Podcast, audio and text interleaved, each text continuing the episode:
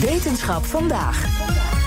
Een maagverkleining leidt niet alleen tot gewichtsverlies, maar heeft ook een positief effect op de hersenen. Dat blijkt uit nieuw onderzoek.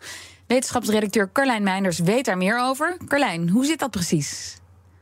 Ja, ik vond dit best een eh, opmerkelijk resultaat. Uh, het gaat uh, om een onderzoek van het Radboud UMC en het Rijnstaten in samenwerking met TNO Leiden. En de uitkomst was dus dat vrijwel de helft van de deelnemers een half jaar na de operatie al fors beter scoort op allerlei testen voor het brein. De helft en dan van hoeveel mensen? Uh, bijna de helft, 45% van 146 deelnemers, die een gemiddelde leeftijd van 46 hadden. En wat betekent dan fors beter scoren in dit geval? Ze scoorden meer dan 20% beter op cognitieve testen dan voor de maagverkleining. En de rest van de deelnemers die bleven gelijk of ging vooruit, maar dan iets minder fors. En uh, de deelnemers uh, kregen ook een minder hoge bloeddruk, minder diabetes, lager cholesterol, minder depressieve symptomen en hun medicijngebruik ging omlaag. Nogal een lijst dus ja. van dingen die verbeterden. Maar weten we dan ook al hoe dat een effect op de hersenen kan hebben? Dat is nog niet exact duidelijk, maar de onderzoekers denken aan een combinatie van meerdere factoren. Onderzoeker Debbie Vreken promoveert op 15 juni op dit onderwerp. Zij zegt bijvoorbeeld: vetcellen geven meer dan 100 signaalstoffen af, die onder andere ontstekingen veroorzaken en de bloedvaten negatief beïnvloeden. Mm. En dat effect bereikt ook de hersenen. En die stoffen namen dan af? Ja, die namen af bij gewichtsverlies. Mensen gingen ook meer bewegen, waardoor de bloedtoevoer verbetert. Ja. De bloeddruk ging omlaag, zei ik ook al even. Dat is ook allemaal interessant voor het functioneren van de bloedvaten zelf. En dat is ook weer interessant voor de hersenen en het ontstaan van allerlei ouderdomsziekten.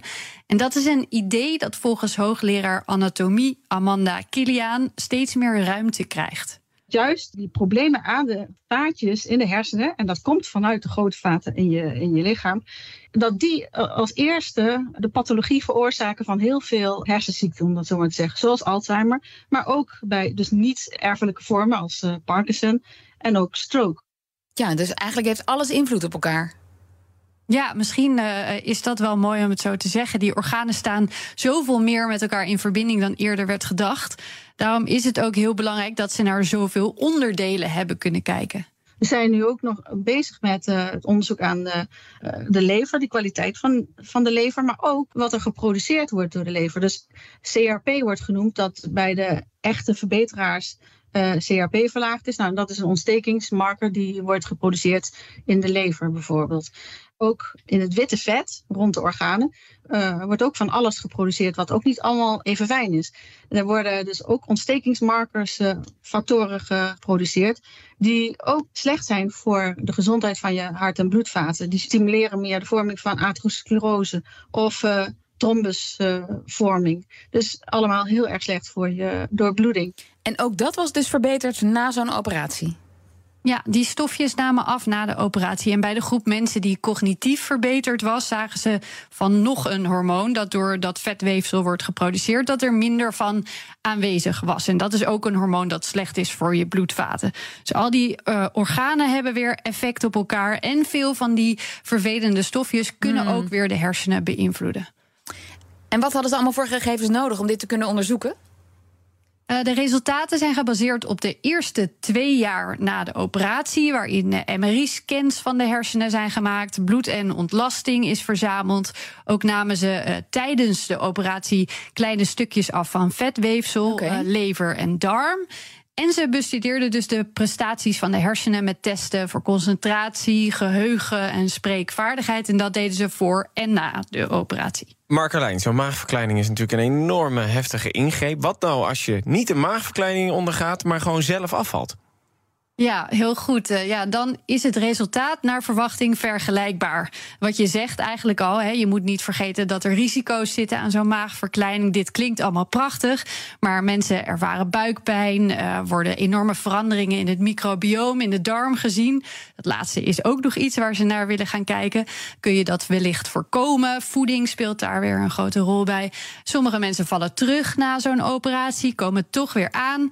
Dus zo'n maagverkleining moet je inderdaad wel zien voor wat het is. Maar dit zijn mooie resultaten die na twee jaar worden gezien. De vraag is nu: wat gebeurt er als ze na vier jaar kijken naar deze groep patiënten? Want dat is waar ze nu zo'n beetje zijn blijft het mooi, allemaal uh, zonder pathologie in de hersenen. Je ziet namelijk tot twee jaar blijft het doorstijgen, uh, die cognitieve verbeteringen. Daarna hebben we ze nog niet, moeten we nog analyseren. Maar echt van zes maanden naar twee jaar, dat blijft omhoog gaan. Dus die verbetering zou zelfs nog verder kunnen doorzetten? Ja, dat zou natuurlijk hartstikke mooi zijn als dat uh, zo is. Maar zelfs al blijft die lijn waar hij nu zit, zonder weer omlaag te gaan in ieder geval, dan is dat natuurlijk al behoorlijk indrukwekkend positief effect van afvallen, hè, met of zonder maagverkleining, op onder andere cognitie. Ja, dat is goed nieuws. Dankjewel, Carlijn Meinders.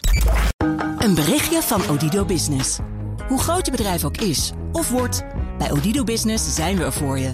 Met unlimited data en bellen en met supersnel en stabiel zakelijk internet. Ook via glasvezel. Ontdek wat er allemaal kan op odido.nl/slash business. Het kan ook zo.